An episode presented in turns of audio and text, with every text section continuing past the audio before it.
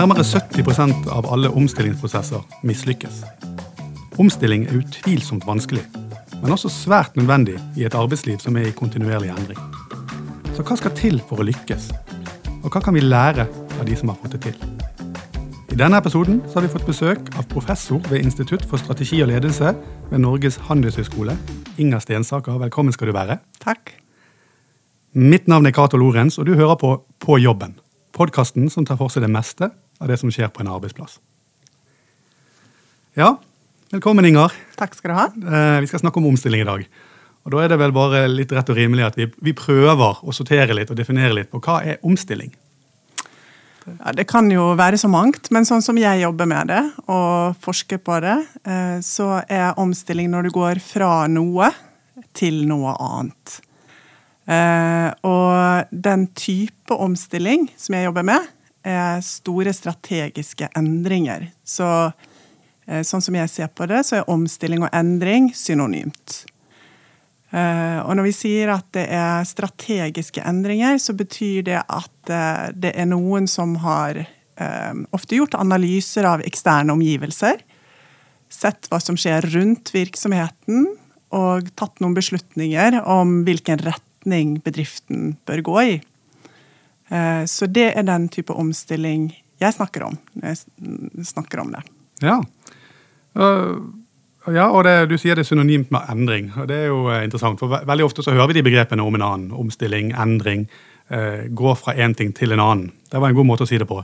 Eh, men hvorfor er det så viktig for å, å prate om, og ikke minst lære om, eh, omstilling og omstillingsprosesser? Ja, mange syns jo det er krevende, da. Så det er mange som syns at det kan være utfordrende. Eh, og for så vidt spennende å gjøre store endringer. Eh, I næringslivet så er det mange organisasjoner som strever med å få til de endringene de mener trengs. Og så er det noe vi må gjøre hele tiden. For det at eh, omgivelsene endrer seg jo hele tiden. Sånn at du blir liksom aldri ferdig med det. Og jeg tror også derfor er det viktig at vi vet mest mulig om det. Ja, og, det, og jeg sa jo det også innledningsvis når jeg, når jeg satte episoden her, at nærmere 70% av alle omstillingsprosesser mislykkes. Det er tallet jeg har funnet. Eh, Du vet kanskje mer om det. Men, men mange feiler, og det sier du også. Hvorfor feiler de når de skal gjennomføre? Ja, Det fins jo ikke én grunn til det. Det er mange ulike forklaringer på det. Eh, og du kan jo egentlig problematisere litt det tallet òg. Det, Ja. det er ikke så overraskende at du har funnet det tallet. 70-75 Det er mange som har skrevet om det. Noen legger eh, listen enda høyere og sier at eh, det er kun mellom 5 og 10 av virksomheter som lykkes. Sånn at mellom 90 og 95 lykkes ikke. Såpass. Eh, Men eh, sånn som man ofte definerer det å lykkes, så handler det om å oppnå de målene man satte seg. Og Så det er Veldig ofte så vil jo vi som underviser i økonomi og ledelsesfag si at hvis du skal gjøre eh, omstillinger, så bør du legge listen litt høyt. For du vil sannsynligvis ikke få til alt. Eh, Og hvis du da har litt ambisiøse mål, så sier det seg selv at du vil ikke nå alle målsetningene. Og hvis det er det du har satt som kriterium for å si om noe er vellykket eller ikke, ja, da er du jo dømt til å mislykkes, ikke sant? Ja. Eh, og så, er det liksom hvordan måler vi eh, vellykket? Andre type ting vi kan kikke på. Hva er indikatorene? I tillegg til om du må nå målene 100 hva er det vi ser på? Og Hvis man kikker inn i det, så er de kriteriene ganske, ganske strenge. Så jeg er jo litt kritisk til eh, at vi snakker om at det er så utrolig vanskelig å lykkes med endring. For etter min erfaring så så får de aller fleste organisasjoner til noe, men de færreste får til alt. Så jeg ville sagt at eh, de prosenttallene er nok eh, veldig høye, og høyere enn enn det som de 20 årene med forskning på omstillinger jeg har eh, vært med på, tilsier. Mm. Ja, det er interessant det du sier. Men, men uansett, forbedringspotensialet er vel enormt eh, med å lykkes eh, med å oppnå flere seire i, i disse ja, i en omstillingsprosess, da, og, og lykkes i større grad. Og da tenker jeg, hvor, hvor er det vi kan bli bedre? Det går an å peke på en del av disse tingene, de mange tingene du snakker om. Ja. som sagt så er det en rekke Ja. ulike faktorer som, eh, som trekkes frem når man skal si hvor er problemet. Det er ikke ett problem. Og nesten alltid så er det en sammensatt årsaksforklaring. Så Mm. det er ikke én ting. Eh, men eh, det vi ser er at ofte så, peker man tilbake på at ja, men dette burde vi jo ha visst. Dette kunne, her kunne vi jo planlagt bedre. Eh, og noe av det som jeg syns er kanskje mer interessant enn å se på hva vi i ettertid alle skjønner at vi burde ha gjort annerledes, det er hva gjør du når du står midt oppi det? Hva, hva gjør du når du står midt i en stor omstilling og opplever at ja, du hadde planlagt egentlig, kanskje du hadde planlagt veldig godt, og så opplever du at ting går ikke helt sånn som du hadde tenkt, for det gjør de jo nesten aldri i store omstillinger. Ok, Så hvordan kan du håndtere det? Eh, jeg syns det ofte er mye mer interessant enn å eh, komme tilbake til at å, man kunne planlagt bedre, man kunne informert mer. Ja, det kunne du alltid. Mm, mm. så, så det også så øke innsikten i hva gjør vi når vi står midt i en stor, krevende omstilling og, og opplever uforutsette ting. Ja. Eh, En, en annen ting jeg også har lyst til å spørre om, er jo uh, ofte mm, tenker man ledelsen skal legge til rette for. Det er ofte sånn man tenker i arbeidslivet, og jeg ser veldig mange har en forventning om at ledelsen skal sørge for at nå får vi en god omstillingsprosess.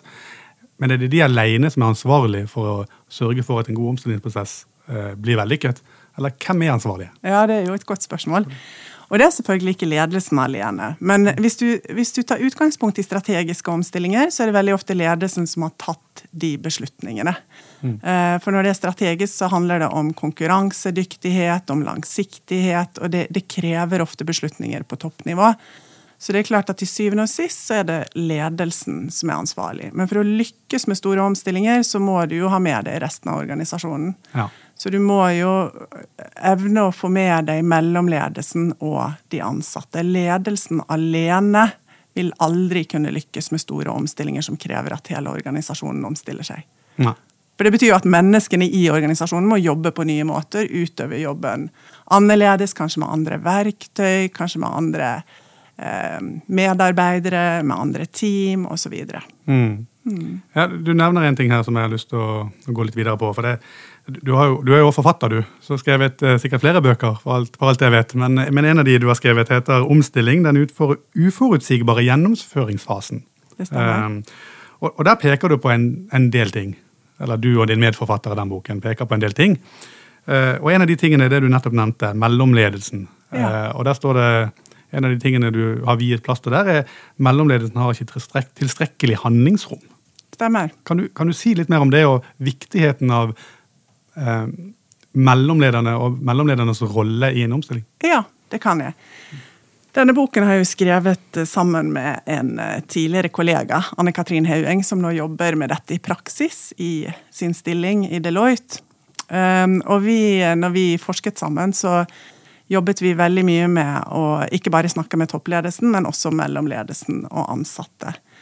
Eh, og det er klart at mellomledere som eh, opplever at de får eh, stort handlingsrom, dvs. Si at de får muligheter til å jobbe i en spesifikk retning med utgangspunkt i sin egen kompetanse, sin egen erfaring, sin egen avdeling, sin kjennskap til sine egne medarbeidere, de går ofte inn med en helt annen kraft og energi enn mellomledere som opplever at noe blir tredd ned over hodet. Så, så ved å stake ut en retning som er såpass overordnet at mellomledere selv kan være med å definere akkurat hvordan skal vi komme oss dit, så utløser du ofte en helt annen motivasjon og energi hos mellomlederen. Mm. Så, det, så det er jo noe for de som lytter på av eh, toppledere å, å legge til rette for. For det, det høres jo ut som en, en fornuftig ting, og kanskje ikke så altfor vanskelig å få til hvis man har på en måte en, en plan. Dette må jo tenkes allerede i planleggingsfasen, da vil jeg tro. Å sørge for at Ja. de er involvert. Ja, absolutt. Og, og veldig ofte så, så jobber jo toppledelsen tidligere og har lengre tid til å venne seg til og, og, og få dybdeforståelse av hva er det egentlig eh, vi beslutter her, hvilken retning er det egentlig vi staker ut. Og veldig ofte så vil man at eh, ja, men når vi først har klart å ta den beslutningen, så må det gå raskt. Nå må vi ha høyt tempo, nå må vi gjennomføre raskt. Og så ønsker man kanskje å styre mer enn det som er gunstig fra et mellomlederperspektiv. Så det at toppledelsen faktisk har eh, ro til å gi mellomledelsen den samme tiden til å sette seg inn i, skape forståelse, vurdere hvordan kan jeg gjøre dette her hos meg, gitt de ansatte og den kompetansebasen jeg har å jobbe med, eh, det har mye for seg for sluttresultatet. Mm. Mm. Ja. Forstår jeg det rett da at eh, Og du, du, har jo, du, du, har jo også forsket en del på eh, bedrifter som har vært igjennom omstilling, har ikke du det? Som, som, har lykkes, eller kanskje ikke lykkes, alt dette sånn. Og eh, En av de tingene er at de bruker for lite tid på en omstillingsprosess. Hvis vi vet at man skal gjennom noe, og man må planlegge det, man må gjennomføre det, man må følge det opp, da, hvis man kan mm. putte det inn i en sånn setting. Vier man for lite tid til dette? Det, kan du si noe om det? Jeg, jeg, nei, det, jeg tror ikke jeg kan si det på generell basis. Uh, og i dag så er jo veldig mange ledere opptatt av nettopp tempo, at endringer skjer så raskt rundt de at de må ha et enormt høyt driv i organisasjonen. Så jeg tror ikke jeg vil påstå at uh, vi bruker for liten tid eller for lang tid. Men, uh, men, men det som vi ser, er at toppledelsen kan ofte bruke lang tid på å forstå bildet, konkurransebildet, mm. de eksterne omgivelsene, og på å ta en beslutning. Og så Når man da har tatt den beslutningen, så forventer man at alle andre skal forstå det like raskt. For nå har jo vi sett det, vi har skjønt hva vi må, og da må alle andre bare løpe i den retningen. Mm. Og noen, Noe av den teorien vi bruker en del, handler om hvordan du skaper mening og forstår eh, mm. situasjoner. Uh, og, og, hvis ikke du har gitt mellomledelsen mulighet til å skape mening og sette det inn i sin forståelsesramme, uh, så, så, hjelper det ikke å løpe fort, for du løper ikke nødvendigvis i samme retning. Du må, du, må, få denne felles forståelsen, og den tar litt tid. Mm. Ja. ja, det vil jeg tro. Um, ja, nei, og en, en, annen ting som kommer frem i denne boken, da, som du peker på som en av hovedutfordringene i omstillinga, det er at ansatte mangler engasjement. Og, og det må vi vel ha Eh, skal vi lykkes med en omstilling. Uh, toppledelsen kan ville det de vil, og medlemmene kan forstå det, men, men, på et eller annet vis må dette engasjementet skapes hos de ansatte. og, og Da har jeg lyst til å spørre deg hvordan man gjør det. Ja, det til. Jeg håper at jeg ikke skriver at de mangler engasjement, uh, for det opplever jeg ikke. Ansatte kan ha masse engasjement. Nei, men at, at En av utfordringene kan, som, som, kan hindre eller ja. stå i fare for en omstilling, er at hvis ikke de har engasjement, så er det Absolutt. Ikke bra. Absolutt.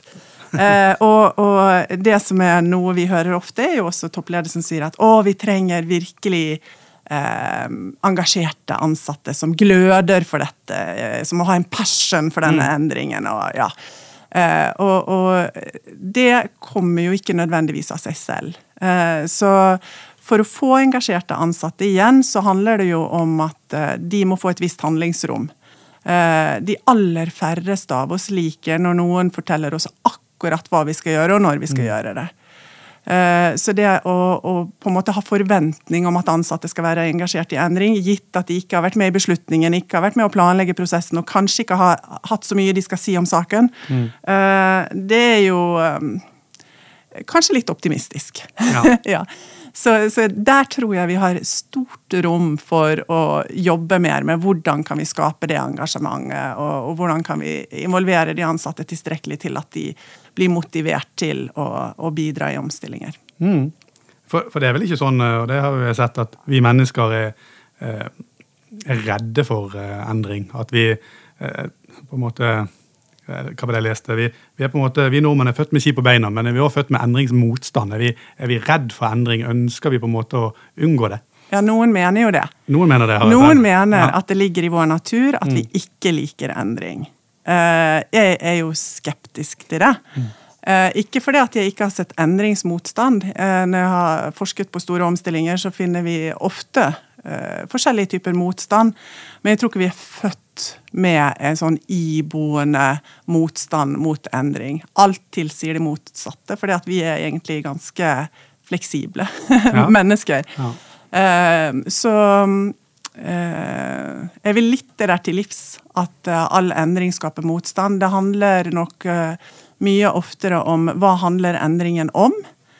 Dersom vi skal effektivisere en virksomhet, kutte kostnader, eh, si opp ansatte, så er ikke det så rart om det er noen som ikke syns det er det gøyeste som skjer på jobben.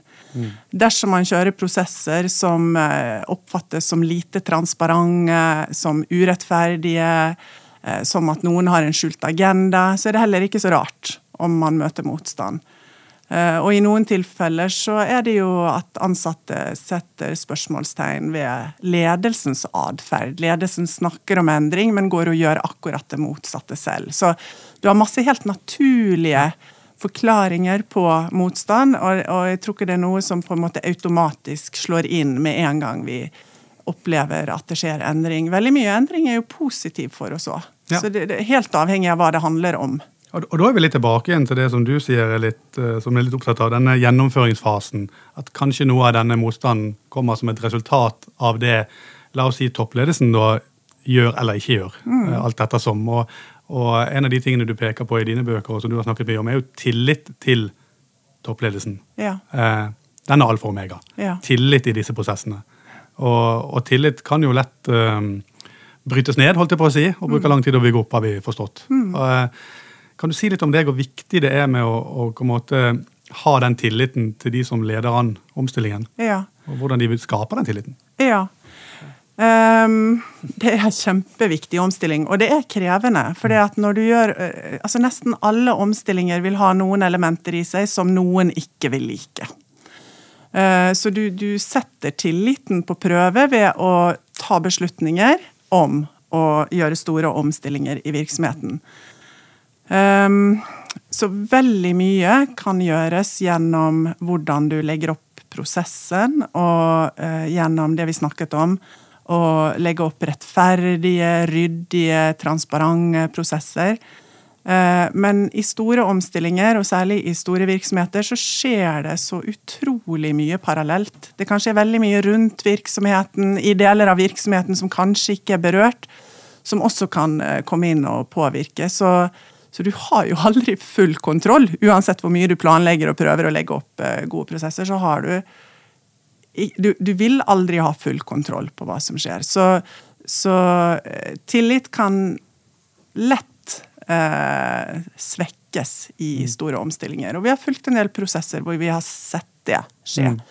Uh, og noe av det som skjer i, i, gjennomføringsfasen, er jo også at vi ser at ofte så har det en slags forsterkende dynamikk. Så hvis du har en toppledelse som eh, opptrer på en måte som inngir tillit, så forsterkes det. Så det blir sterkere og sterkere. Mens hvis du har det motsatte, at tilliten først begynner å bli svekket, så blir det også ofte forsterket. Så da vil handlinger og beslutninger som ellers kanskje ikke ville blitt stilt spørsmålstegn ved i det hele tatt, plutselig fremstå i et helt annet lys. Så blir alt suspekt, og alt blir stilt spørsmål ved.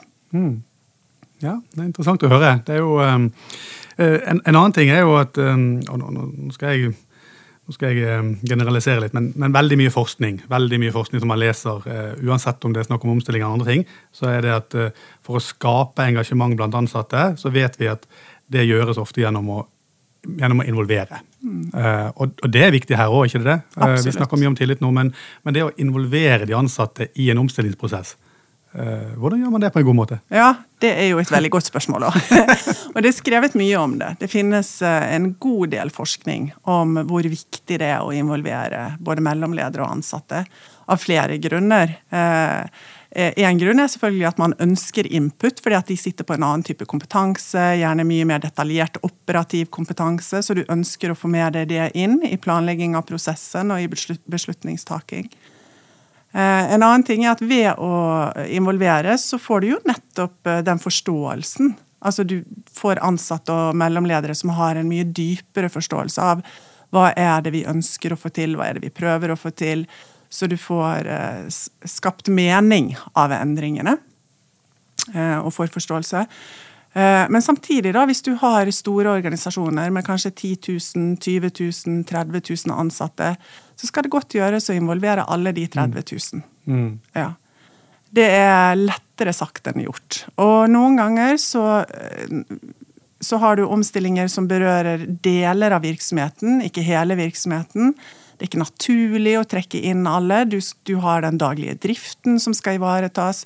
Du kan ikke på en måte sette alle eh, de ansatte i sving med å jobbe med omstillinger og involvere de. Så, så det er jo en kostnadsside, både i form av tid og ressurser og, og faktisk rett og slett antall mennesker som skal involveres i sånne prosesser. Mm. Så oppsiden og fordelene er veldig godt kjent, og alle er enige om de. Men rent praktisk, hvordan lar det seg gjøre? Mm. Eh, det er jo litt mer utfordrende. Ja, mm. og, og, da er det vel kanskje å å ty til det som vi, vi, på en måte er gode på her i Norge. Altså, dette apparatet som finnes i arbeidslivet, altså partssamarbeidet med Absolutt. tillitsvalgte, eh, hvordan involvere de, sånn de kan på en måte være talerør videre. Ja. Det er jo alfa og omega her, vil jeg tro. Og, og, ta det på alvor. Og det er jo lovpålagt ja. å gjøre store omstillinger. Så mm. der har vi et godt apparat. Og i flere av de virksomhetene som jeg har uh, forsket på, så når man skal gjennom store omstillinger, så etablerer man enten en egen organisasjon eller en prosjektorganisasjon, og, og gir et veldig tydelig ansvar. Du har på en måte noen utpekte endringsagenter som skal drive frem endringen, og som involverer eh, ulike deler av virksomheten når det blir aktuelt. Mm. Mm. Men, men så har det kanskje en annen side, og det, dette å involvere. fordi det må jo være reell involvering. Man må jo føle at man kanskje har noe å si i forhold til det som skal komme, eller den endringen som skal skje. Eh, for, for man kan vel også involvere uten å involvere, holdt jeg på å si. Man, man bruker ofte et begrep som skinninvolvering. Mm. Og, og, det er vel heller uheldig, vil jeg, vil jeg tenke meg. Ja, og det, det er vanskelig. for her kan det ofte være ganske ulike eh, virkelighetsoppfatninger. Eh, det finner vi ofte i omstillinger. At hvis du går inn og og snakker med folk i ulike deler av virksomheten og på ulike nivåer, så, så har de veldig forskjellige opplevelser av den samme endringsprosessen. Og det gjelder kanskje spesielt involvering. Så fra, fra, ansatte så er ikke det helt uvanlig å høre om skinnprosesser hvor man opplever å ha blitt invitert til å gi sin input, eller eh, til å sitte med i ulike endringsprosjektgrupper, og så etterpå opplever at jo, men mine innspill ble jo ikke hørt, de ble ikke tatt i etterretning. Eh, og noen ganger så, så, kan jo det være fordi at man har mange man lytter ut, og mange man involverer, og du klarer ikke å ta hensyn til alt, og så har du kanskje ikke helt informert om hva skjedde med all den andre inputen som du nå ikke ser igjen, enten i prosessplanen eller beslutningsgrunnlaget. Så øh, jeg vil si at øh, det er nok det er nok flere fra ansattes side som beskriver at de opplever det, men hvis du kikker nøye igjennom hvordan involveringen har skjedd, mm. så er ikke det nødvendigvis noe bevisst manipulering eller noen som har en skjult agenda, men det kan heller være at man faktisk har kjørt en veldig involverende prosess som gjør at du vil ikke kunne ta med deg alt fra alle. Du vil ikke mm. kjenne igjen alt, men selvfølgelig så er det uheldig å ha mm. prosesser som oppleves som skinninvolvering, for da har du nesten da står du nesten på minus istedenfor pluss. ikke sant? Du mm. får ansatte som i hvert fall blir skeptiske og begynner å, å mm. stille spørsmål ved tilliten mm. til ledelsen. Og man er vel gjerne seg sjøl nærmest ofte i sånne ting. Og, og, som du sier, i store bedrifter mm. der det kommer mange meninger og innspill og tanker rundt eh, hvordan man skal gjøre ting, mm. så kan jo man ikke ta det alle alle innspillene. Alle vil jo ikke bli hørt. Det er vel eh, Alle kan nok bli hørt, men ja, de vil ikke nødvendigvis se det igjen. Ja. ja. og da er det gjerne en følt en følelse da, mm. om å bli oversett hvis man ikke ser det igjen. Mm. Og Det er jo interessant. Men, men, en annen ting, da, og det er jo og Alle skal bli hørt, ja, sa vi. og det et, et, punkt som du kommer med i den boken din også, det er jo at um, og som kan være en utfordring for en omstilling, det er jo at ryktebørsen blir den viktigste informasjonskilden. Altså dette som går på kommunikasjon og, og omstillinger da, i en omstillingsprosess. Det er viktig, det. Eller? Ja. God kommunikasjon. Det går ikke an å si noe annet. det er kjempeviktig. Ja. Eh, og her også tror jeg at det ofte er ganske forskjellige oppfatninger om hvor mye det har vært kommunisert. Du har gjerne en toppledelse som syns at man har kommunisert eh, vanvittig mye, og det kan jo ikke være nødvendig å si dette nok en gang. Eh, mens du da har ansatte som eh, egentlig ikke har hørt så mye om denne omstillingen. Så her vil det helt klassiske være at man får veldig forskjellige svar, avhengig av hvem man spør om eh, kommunikasjon. Eh, men noe av den internasjonale forskningen viser jo at um, i krevende omstillinger så blir noen ganger toppledelsen omtalt som spøkelser. Mm. Alle har hørt om de, men ingen har sett de. De er ikke på banen. De er ikke der ute. Og på en måte der eh, jobben skal gjøres. Der endringene faktisk blir implementert, og forklarer hva bakgrunnen var, og gjentar hvorfor gjør vi dette, hva er det vi egentlig ønsker å oppnå. Eh, de er mer opptatt med å planlegge neste, neste omstilling. Mm. Ja. Uh, og da, da, har man jo en utfordring. Ja, helt klart. Men, men kan, man, kan, man, egentlig forvente, si en stor organisasjon, uh, at toppledelsen er til stede veldig mye? Man, man, kan jo også kanskje se det litt fra deres side, hva de skal være gode på. De skal jobbe med det strategiske og det forretningsmessige med omstillingen. De er i omstilling sjøl. Og så skal de ta vare på mellomlederne sine og sørge for at de er eh, godt skodd for å kunne ta vare på sine ansatte, og så skal de være til stede, og så skal de ja, ditt og datt. Det er ganske utfordrende, ikke det? Ja, og det, det, er et godt poeng. For du har jo en mellomledelse. Hvis du er i en større virksomhet, så har du mellomlederne. Mm. Og veldig ofte så vil jo de ansatte ha informasjon fra nærmeste leder. Du vil ha eh, på en måte informasjon om hva er relevant for oss her i denne avdelingen. Hva betyr dette for meg? Hva du vil ha informasjon som er silet som er mer relevant til deg og din egen situasjon enn til de andre 30 000 i selskapet, eller de andre 5000 i selskapet, om det så er. Mm. Ja. Nei, men uh, være til stede, det, det, er absolutt viktig. Så godt, så godt uh, Folk liker at ledelsen er synlig, i hvert fall. Det, det vet vi fra, fra, mange tilbakemeldinger. Men de enkeltmennene Jeg er litt tilbake til den enkelte ansatte, de som, de som jobber. Uh, ja, vi er ikke født med endringsmotstand, det har vi slått fast. Og vi, eh, vi er avhengig av at vi er med, og at vi, vi ønsker dette velkommen. Men kan vi, kan vi, kan vi jeg da, bli bedre på å, å, takle endringer? For nå er vi i et arbeidsliv i kontinuerlig endring. Det, vi omstilles hele tiden, sånn som man skulle tro det. i hvert fall. Kan jeg bli bedre på å takle det, eller vil jeg automatisk bli det bedre enn bare med å eksistere i 2019 og fremover? Klart vi kan bli bedre. Kan vi trene på det? Jeg tror det. Jeg tror det. Vi ser jo veldig tydelig i virksomheter som har vært igjennom mange store omstillinger, så har de ansatte en annen tilnærming til det. Ja. Eh, de, vi kaller det endringskapasitet. Da snakker ja. vi ofte om at organisasjonen har endringskapasitet. Eh, dersom den er rigget til å gjøre store omstillinger. Altså at du bygger opp noe i organisasjonen som gjør at du kan gjøre nye omstillinger enklere, til en lavere kostnad. Og da er det helt avhengig av individene. Så nå bygger du opp i organisasjonen i form av strukturer og systemer og prosesskunnskap. Men det er klart at det er eh, veldig avhengig av enkeltindividene. Og det ser vi, at ansatte i virksomheter som har vært gjennom masse store omstillinger, har en helt annen evne til å håndtere det. Mm. De, ja. de, de, eh, de, blir ikke så satt ut av eh, store endringer. De uh, har ofte en um, tro på sin egen kompetanse, og at den kan brukes andre steder i virksomheten enn der de er akkurat i dag. Eventuelt også i helt andre virksomheter. Uh, så de har en annen mm.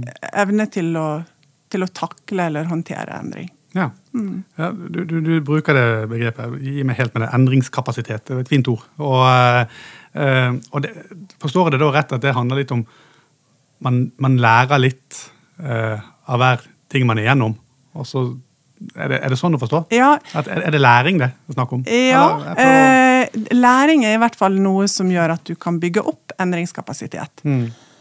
Eh, vi begynte å bruke det ordet for eh, jeg vet ikke, 10-15 år siden, fordi at vi så at det var noen virksomheter som så ut til å være flinkere til å takle det vi kaller multiple endringer. Altså at du står i store omstillinger mer eller mindre kontinuerlig. Mm. Ja. Eh, og så strevde vi litt, fordi at mye av endringslitteraturen skriver om endring som om det er noe utenom det vanlige. Altså Det er én ting, det er én prosess, du skal gjennom noe stort, og så, så blir du ferdig med det, og så skal du få lov til å drive business as usual og driften din um, i en lang periode etterpå. Og, og, det stemte jo ikke med det bildet vi så i, i de norske virksomheter vi var inne og forsket på.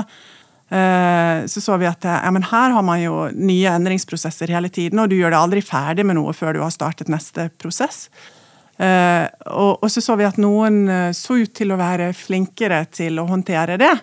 Eh, og noe av det handlet nettopp om at de hadde vært gjennom mange store omstillinger. Så det å være gjennom og ha erfaring, gjør, eller læring som du kaller det, gjør nok at du kan bygge en kapasitet i organisasjonen. Men det avhenger jo av at du da har relativt gode erfaringer med tidligere endringer. For hvis du har en rekke veldig negative erfaringer, eh, så har du jo neppe endringskapasitet. For noe av det som skjer hvis du har gode erfaringer, er at når du setter i gang nye prosesser, så mobiliseres all den kunnskapen. Eh, du husker alt det som du har vært igjennom, og hvordan det gikk, og hvordan man sjøl og andre rundt en eh, taklet det bra. Eh, og da, da, har du endringskapasitet. Ja. Mm.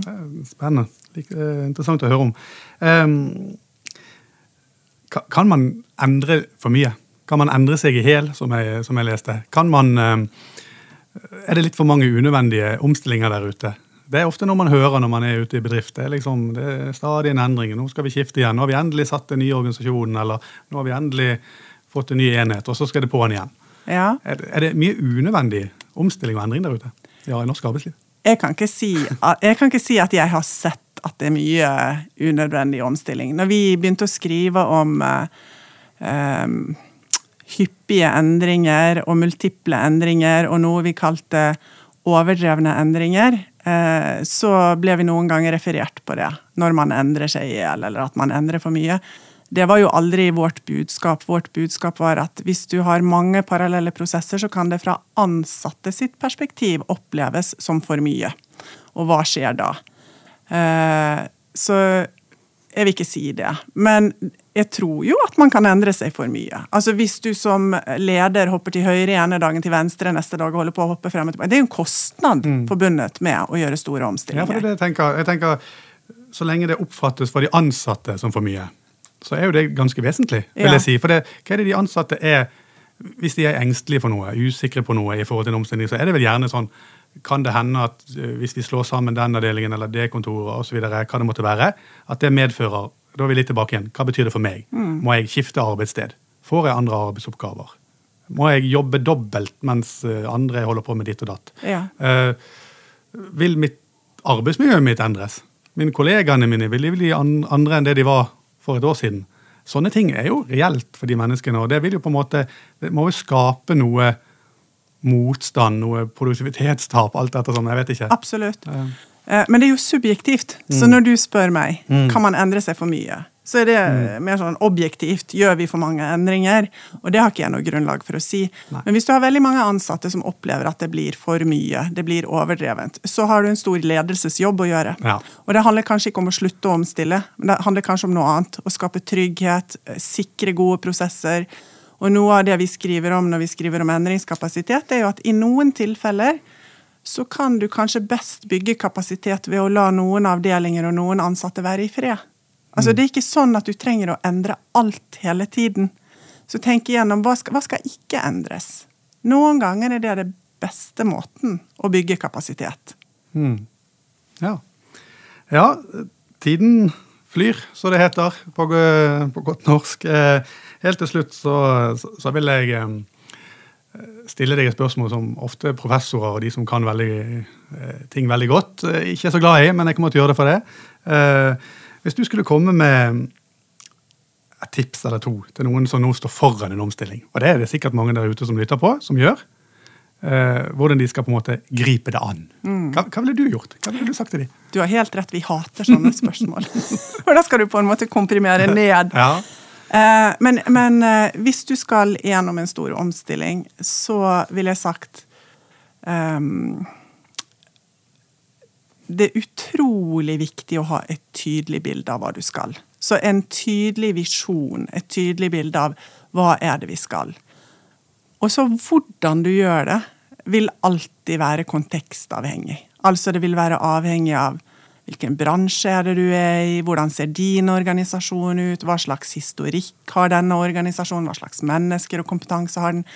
Så jeg tror ikke det finnes én eh, på en måte oppskrift for hvordan du gjør det. Men, men det å være tydelig på hvor er det vi skal? Hva er visjonen? Og så det vi startet vår samtale med. Gi stort handlingsrom til de andre i organisasjonen til å bidra til å komme seg dit. Mm. Så tydelig bilde, tydelig visjon, og så stort handlingsrom til akkurat hvordan man beveger seg i den retningen. Ja. Tydelig visjon. Det er viktig. Og det får bli siste ord av eh, denne episoden av eh, På jobben. Tusen takk, Inger Stensaker, for at du tok deg tid til å være med oss i dag. Takk skal du ha. Mitt navn er Cato Lorentz, og produsent i dag har vært Eirik Stordrange. På jobben er tilbake igjen om noen uker. Vi høres.